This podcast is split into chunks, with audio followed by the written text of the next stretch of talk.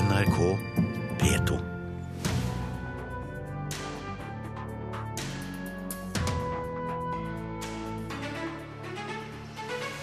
Monumenter og statuer bør ha utløpsdato og ikke rett til å stå på samme plass til evig tid, mener Kunst i offentlig rom. Urealistisk, sier kunstnerne. Parodivideoer av IS på internett kan minske frykten for terrorgruppa. Og oljekrisa rammer kulturlivet på Vestlandet. Majas åpner i dag til tross for kraftige sponsorkutt. Dette er Kulturnytt i dag med Stine Traalt. Og så, så skal vi spekulere i filmskaper Michael Moores norgesbesøk. Statuer og monumenter som reises for å hedre eller minnes personer og hendelser, bør ikke stå på samme plass til evig tid. Dette utspillet kommer fra direktøren i Kunst i offentlig rom, KORO, etter den siste ukes debatt om Osvald-monumentet i Oslo. De siste årene har det vært reist mange omstridte monumenter i byer med trangt om plassen. Dette kan hindre at nye uttrykk vil komme til orde. Det viktige er jo at vi ikke lager en gravlund over minnesmerker midt i byen. I byer som har trange, travle sentrum, Eh, der finnes det jo en begrenset kapasitet i de offentlige rommene, og kanskje særlig i de mest attraktive offentlige rommene. Og der eh, mener vi eh, at man skal være forsiktig med å fylle disse rommene med ting som, med kunst som blir stående i det uendelige. Det ser direktør Svein Bjørkås i Koro. De siste åra har nye minnesmerker og monument skapt debatt. Eksempel på dette er monumentet over Osvald-gruppa som ble avduka på fredag. Det dreier seg om å sette opp en eh, brutal propagandakunst i Oslo i 2015 i et stort og viktig offentlig rom. Statuen av Gunnar Sønsteby, som har flytta flere ganger i Oslo, og Olavsstatuen til Knut Steen. I dag ble det klart at Oslo kommune sier nei takk til statuen av kong Olav. I seks år har kunstneren Knut Steen arbeidet med kongestatuen, som har kostet kommunen to millioner kroner. Bjørkås ønsker en debatt om hvor lenge en del statuer og monument skal kunne stå. I dag er det mange som ønsker å heidre sine helter, og det kan på sikt skape et problem, mener han. Hvis at en eh, stor skulptur f.eks., så er det jo sånn at det tar plass. Det stjeler oppmerksomhet. Det binder Ehm, de visuelle, altså det gir eh, visuelle impulser som, som, binder hva det går an å ytre der, så å si. Og det gjør jo at det kan stenge igjen rommene for alternative ytringer. Det er derfor viktig at en tidlig avgjør hvor lenge et monument skal stå. Det vil være naturlig at det finnes en dialog mellom eh, myndigheter, kunstner, eh, de som tar initiativ til å sette opp verkene, de som er involvert i dette bør eh, være med på en samtale der også utgangsstrategien er tema. Det har det stort sett ikke vært til nå. Men daglig leder Arve Bringaker i Norsk Billedhoggerforening tror det blir vanskelig å gjennomføre en ordning med avgrensa levetid for skulpturer. Det er ikke lett å formulere en sånn ordning. Ethvert sånt monument skaper jo en voldsom identitet for, eh, for de som bor der. Så hvordan man, skal, hvordan man skal formulere sånne regler, det tror jeg er et eh, vanskelig stykke arbeid. I tillegg kan det bli mindre attraktivt å ta slike oppdrag, tror han. De færreste kunstnere har jo mange sånne oppdrag, og det vil jo leve videre. Og det er jo noe de som gir dem en stor tilfredsstillelse over at de, de har laget noe som syns for ettertiden. Så det er klart det er jo ikke noe hyggelig tanke. Men om Svein Bjørkås får det som han vil, er han klar til å ta debatten når kunst blir fjerna vi er jo ofte i en situasjon der det oppstår debatter fordi at folk ikke vil ha kunst når den kommer. Eh, jeg skulle gjerne sett at vi fikk flere av de debattene som var sånn at det kommer kunst, og så vil vi ta den ned. Og så får vi debatten der folk raser fordi at de ikke vil at det skal forsvinne. Det ser vi frem til. Reporter her var Espen Alnes. Kulturkommentator Agnes Moxnes, vi hører her at direktøren i Kunst i offentlig rom eh, vil ha en omvendt debatt, eh, der folk raser hvis vi fjerner skulpturer og ikke forkant. Hva tenker du om det? En slags sånn forbrukertest av eh, skulpturer og monumenter kunne antageligvis bli både interessante og morsomme debatter. Men, men jeg tenker også med liksom utløpsdato på, på kunst at det kunne være lettere å få aksept for å prøveoppsette kunst, eh, så å si. For jeg satt i går og, leste igjen historien om Picasso-monumentet Sylvette, altså en skulptur på 14 meter som Picasso sammen med Carl Nesjar tilbød Larvik kommune for 40 år siden eller noe sånt nå. Eh, kommunen sa ja, men befolkningen gikk totalt i svart og sa at de ville ikke ha den skulpturen stående nede ved sjøkanten. Eh, dermed så ble det ikke noe av. Flere har gjort forsøk etterpå, men det går ikke. Eh, nå står det en diger mobilmast eh, der i stedet, adskillig større og mer voluminøs enn det Picasso-monumentet ville vært. Ja, Har dette forslaget noe for seg? Ja, altså, Koro har jo ansvaret for at den kunsten som kommer ut i det offentlige rommet, at den er av skikkelig kvalitet.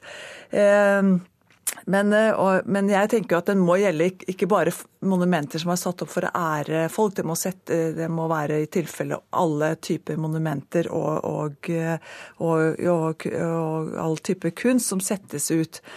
Eh, men så er det jo, altså hvis man hadde fått en sånn forbrukstest, da, så vet jo Koro utmerket godt at eh, folk blir, eh, selv om de kjefter og smeller når et kunstverk eller monument kommer opp, så blir de ofte veldig glad i det og stolt over når det har gått en, en tid. Ja, og det er jo et argument her, men hva med kunstnerne? Er de, de skeptiske først og fremst for at de vil at deres verk skal bli stående til evig tid? Det er jo det med sånne kunstverk kunstverk som det der, og monumenter, at det er ikke bare et monument over en, en krigshelt eller en lokal politiker, det er også et monument over den kunstneren som har satt det opp. Sånn at man kan jo ikke se for seg at man bare river eller flytter eller tar bort et verk av, av Nils Aas eller Gustav Vigeland eller Michelangelo for, for den saks skyld. Mm, ja, Vi hører her også at det begynner å bli trangt om plassen i enkelte byer. I hvert fall de beste plassene. Eh, er det behov for å gjøre noe, slik du ser det? Ja, så Noen ganger må et monument bare ned. Det har utspilt sin eh, rolle. Det trenger ikke stå lenger. Men, men så vidt jeg kan skjønne, så gjelder jo det akkurat like mye et, en odde på Helgelandskysten som det, som det gjelder et, et, trangt byområde i eh, Oslo eller Bergen eller Trondheim. Hvor stor gjennomslagskraft har koret da?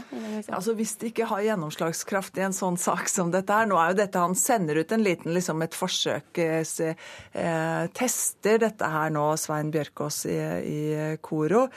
Eh, men det som trengs, og det viser jo debatten både om Osvald-monumentet, men også om minnestedet i Hole kommune etter 22.07, det er at både stat og kommune er nødt til å ha skikkelige regler for hvor man skal sette opp et monument, hvor stort det skal være, hvorfor man skal sette det opp. Og så må man ha systemer som virkelig sikrer at det er kvalitet på det som faktisk settes opp. Takk skal du ha, kulturkommentator Agnes Moxnes. Du hører på Kulturnytt. Klokken er 11 minutter over åtte, og vi skal ta en titt på noen av kulturnyhetene i dagens aviser. Vi begynner med VG. Sikkerhetseksperter advarer mot et virus som sprer seg på Facebook. Viruset gir seg ut for å være private videoer sendt fra venner som du ikke får sett uten å installere en utvidelse av programmet.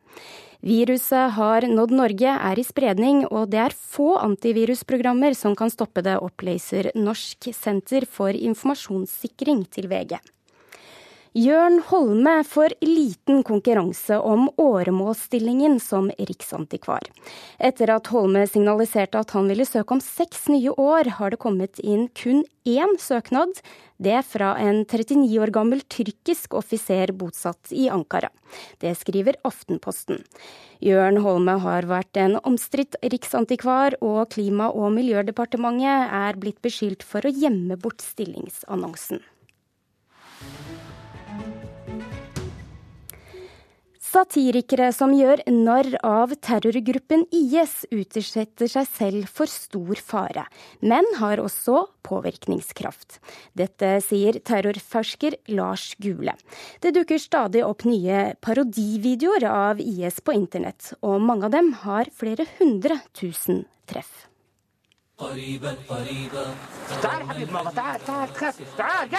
Det er da en palestinsk satiregruppe som har lagd bl.a. Eh, parodier hvor man viser en eh, IS-veisperring, hvor da folk blir stoppet eh, og drept av helt paradoksale og selvmotsigende årsaker, hvor det er helt åpenbart at disse soldatene selv ikke vet hva de holder på med.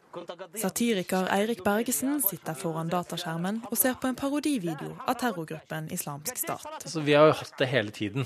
Jeg tror bare at er, vi har blitt oppmerksomme på det nå. At også folk i Midtøsten liker å tulle med makthaverne sine. Og det har etter hvert blitt mange videoer.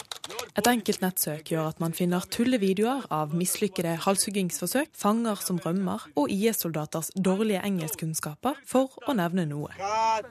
Terrorforsker Lars Gule tror satiren skremmer den militante terrorgruppen som kontrollerer store områder i Irak og Syria. Det er grunn til å tro at de tar det svært alvorlig, fordi de selv er veldig dyktige på å bruke ulike internettplattformer, sosiale medier, til å spre sin propaganda. Og det har vært vellykket. Derfor så må de nødvendigvis også vite at andre kan bruke disse mediene på en tilsvarende måte mot dem selv. Gule får støtte av humorforsker Maja Løvland, som mener at satire er et sterkt virkemiddel. Satire er jo en form som eh, helt fra liksom 1700-tallet har vært med på å rive ned maktstrukturer. Alt det du har brukt på å holde disse fryktene og hemningene dine i sjakk, de blir jo overflødige. Og det kommer ut i form av latter, da. Men å gjøre narr av IS er ikke risikofritt, mener Gule. IS er jo en organisasjon som eh, har demonstrert sin brutalitet eh, mot alle former for opposisjon. Så dersom de har mulighet til å uskadeliggjøre en som driver propaganda i form av satire, karikering av dem, så vil de nok eh, slå hardt til mot en slik person. Det stopper likevel ikke motstanderne fra å finne nye måter å latterliggjøre IS på. Blant annet har flere artister laget latterlige og dansbare remixer av musikken IS bruker i propagandavideoene sine. Klart at dette kan være uhyre effektfullt. Det er virkelig et eh, satirisk virkemiddel med stort eh, gjennomslag. Satiriker Eirik Bergesen mener det er modig og viktig at man fortsetter å latterliggjøre IS. Uansett hvor, hvor, tøffe vi satirikere i Vesten tror vi er, eh, så er det jo de der nede som er de tøffe. De som står midt oppi det selv. Eh, og det tror jeg vi kan lære av i vårt samfunn òg, som bruker satire til å prøve å forme eh, samfunnet vårt på det. Reporter her var Ingvild Fjeltveit. Dette er Kulturnytt, og her er nyhetsoverskriftene denne morgenen. Under halvparten av norske studenter fullfører utdanningen på normert Det er for dårlig, mener kunnskapsministeren. FrPs og Høyres representanter i justiskomiteen sier nei til generell bevæpning av politiet. Og fire av ti Nav-direktører er bare midlertidig ansatt, skriver Dagens Næringsliv. Også i kulturlivet merker de nå de dårlige tidene i oljebransjen. Mayas i Stavanger, som åpner i kveld, har mistet 800 000 sponsorkroner siden i fjor. Og nå kalkulerer de med underskudd.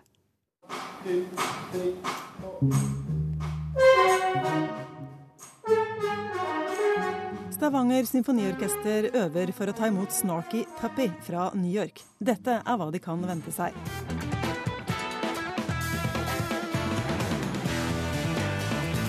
Tolv musikere fra det Grammy-vinnende bandkollektivet kommer til Stavanger. Det blir 64 musikere på scenen i Konserthuset. I mean, really an orchestra where the majority of the people were standing or dancing or whatever. Jeg har ikke vært på så mange konserter med symfoniorkester der publikum danser, men det gjorde de faktisk i Rotterdam, sier bandleder Michael League. I would assume that it might be the same in Norway. Så det er jo spennende band å få denne XXXL-pakka. Sier festivalleder for Majas i Stavanger, Per Hasse Andersen. I kveld starter den årlige jazzfesten i oljebyen, der kulturlivet nå for alvor merker sponsortørke pga. kutt i oljebransjen. Ja, altså Vi merker jo på det at vi har hatt uh, mye strammere budsjett i år. Vi har mista vel i hvert fall 800 000 i sponsorinntekter. Det er kolossalt for en sånn organisasjon som oss. Men er vi flinke. Vi snur oss rundt, uh, går gjennom alle våre gjøremål og barberer budsjettene uten å røre det kunstneriske. Så når svenske Lars Danielsson, forsterket med bl.a. Mathias Eik, åpner den 27. Majas-festivalen i kveld, skal publikum ikke merke at inntektene har gått ned, sier Andersen. Nei, Vi har jo prøvd å bli mer effektive på måten vi kommuniserer, altså markedsføring. Vi har sett på utgifter. Er det nice to have, eller er det need to have? Absolutt alt har vi gått igjennom. Og vi legger et, et lite minusbudsjett, men det har vi råd til. Dere har penger på bok? Vi har nettopp for, for sånne situasjoner som oppstår som dette. Arbeidsløsheten stiger i Rogaland og er nå høyere enn landssnittet. 15 000 oljejobber er tapt de siste par åra, skriver Når bedrifter må si opp ansatte, er sponsing noe av det første som kuttes. Og Majas har mistet fem sponsorer i år. Alle direkte eller indirekte knyttet til oljebransjen. Og ingen nye har kommet til. Mm, showers, so warm in July. Likevel kommer Lisa Ekdal og mange andre artister til festivalen også i år, som kutter litt i antallet konserter, sier Andersen. Men det er fordi at vi òg skal kunne gi de som er opptrer, betale ordentlig. Og kanskje òg publikum har vi fått innspill at er det for mye? Og dermed for å få den lufta mellom programmene. Det blir ikke heseblesende, men det blir fremdeles festival.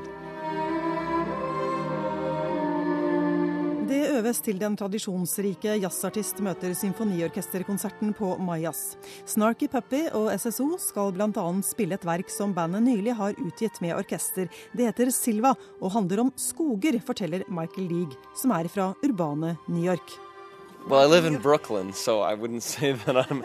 I mean, that's a forest, I guess, of, of sorts, but no, but it's just I, I love them and I, I try to go to them as often as possible. Yeah. Reporter på Majas er eh, Anette Johansen Espeland. Eier av Sponsorkonsult og tidligere sponsorsjef i DNB, Jakob Lund, er ikke overrasket over at kulturlivet på Vestlandet merker nedgangen i oljebransjen. Nei, det er jeg ikke i det hele tatt. Eh, det er tre typer sponsing. Det er idrett, det er kultur og det er sosio, altså humanitære organisasjoner. Og når knapptida knapp tida kommer, så kniper de inn Eh, på det som betyr minst. Og eh, det er kultursponsinga. Det er veldig kunderelatert sponsing. Det er en overskuddsaktivitet svært ofte. Idretten er profilorientert. Den kan gi effekter over litt lengre tid. Og sosiosponsing har mer preg av å være en samfunnsrelatert sak som bedriftene ofte kvir seg for å ta i. Så at det går utover kultursponsinga forundrer meg ikke det minste. Kan kulturinstitusjonene gjøre noe med dette? Nei, det kan de i liten grad. De kan, som jeg har påpekt flere ganger før, gjøre mer i kommunikasjonen med uh, næringslivet. Uh, de kan fasilitere produktene sine bedre. Uh, og de kan nok forbedre produktene, men det er lite de kan gjøre med realiteten, i den forstand at money talks. Og hvis en bedrift eh, står og må velge mellom å, ha, å si opp folk og sponse f.eks. Majas, så er for de aller fleste det valget rimelig enkelt. Da tar de Majas ut av sponsorporteføljen. Intervjuer her var Andrea Kvamme Hagen.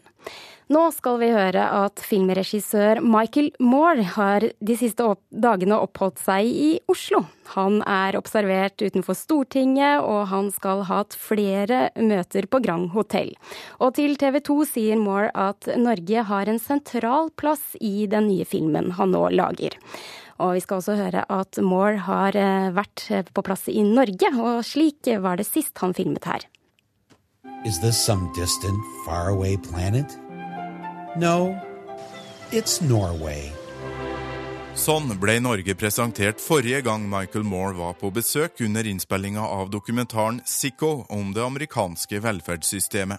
Scenen ligger som bonusspor på DVD-en og heter Is Norway Utopia. A place so scary I couldn't put it in this film. Klippet fra Norge ble ikke med i selve filmen, ifølge Moore, fordi velferdssystemet i Norge er så bra at det ville virke urealistisk for amerikanske kinogjengere.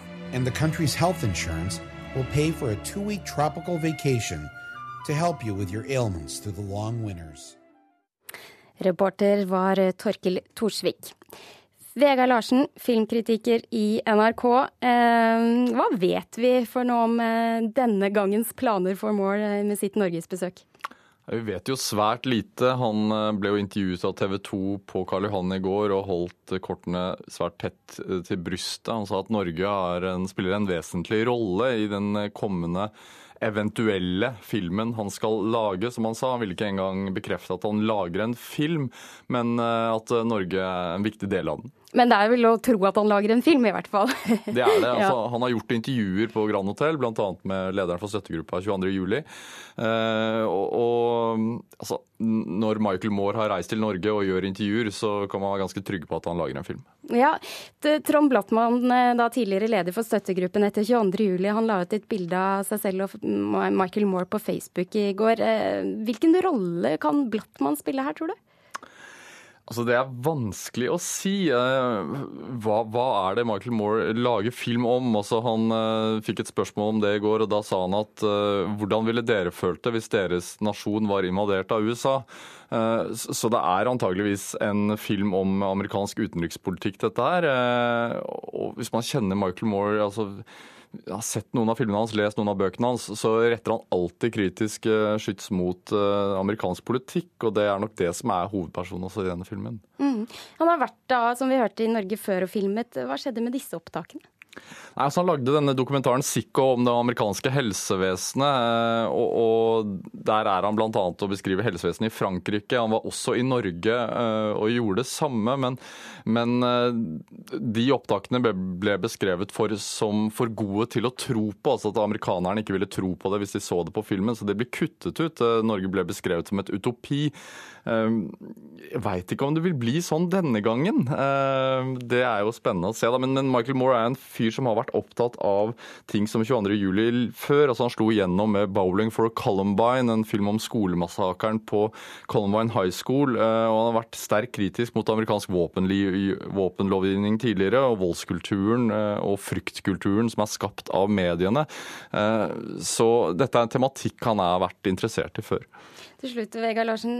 Michael Moore er kritisk rost. Han har vunnet eh, Oscar, gullpalme i Cannes, men også kontroversiell. Hvorfor det? Altså, Han eh, blir jo sett på som en rabulist, også at han lager propaganda. Eh, motstanderne hans, altså høyrevingen i USA, er jo ekstremt kritiske mot han, eh, mens de som liker han, trykker han til sitt hjerte. Han er en mann som aldri er redd for å si det han mener, og som eh, gjerne bruker litt, kanskje litt billige triks for å få frem argumentene sine. Tror du Norge vil komme godt ut av dette? ja, vi får bare ta ham på ordet, da. Norge er aldri the bad guy, sa han i intervjuet i går. Så vi får håpe det blir sånn denne gangen også. Takk skal du ha, Vegard Larsen.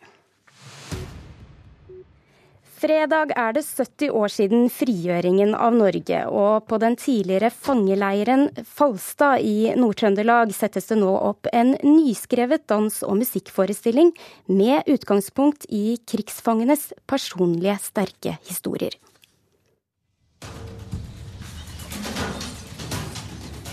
På Falstad så er det 4000 mennesker levde i fangenskap her i, i løpet av en, flere år under krigen. Og at de er på en måte tatt bort herfra. De finnes ikke her. Men at det må ha vært en veldig sterk kroppslig opplevelse å være her. Og det å liksom hente igjen noe av den, tror jeg kanskje kan uh, hente ut noe nytt av historien og gi oss en annen opplevelse og forståelse kanskje inni langt inne i et sted. Før hva, hvordan det er å leve i, under så svåre, vanskelige forhold. Da. Er dette et dristig prosjekt? Ja, det er dristig. Sier prosjektleder i Dans i Nord-Trøndelag, Anna Hegdal. Hun vil bruke dans og musikk for å beskrive brutaliteten og usikkerheten usikkerheten om hva neste minutt ville bringe, liv eller død, eller håp. Falstadsenteret, museet som dokumenterer historiene med, sier senterdirektør Tone Jørstad. Det er et produkt da, på mange måter at vi får nye generasjoner nå som ønsker eh, å gå litt bak alle disse fortellingene. Hva var det egentlig som skjedde? Hvordan tenkte de? Hvordan var det å sitte innesperra, ikke ha noen kommunikasjonsmuligheter? Og, og det tror jeg hvis vi skal klare å formidle det, så må man ta i bruk andre typer virkemidler enn bare ord og bare fortellingene. Sånn.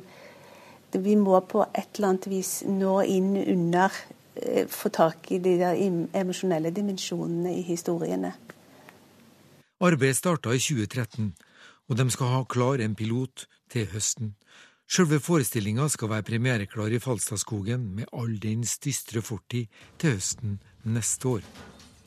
Jeg brenner for det fordi at det handler om sånne generelle, menneskelige, empatiske eh, Hvis jeg skal si det på den måten. altså En sånn type følelsesregister da, som, som, jeg opplever forsvinner mer og mer.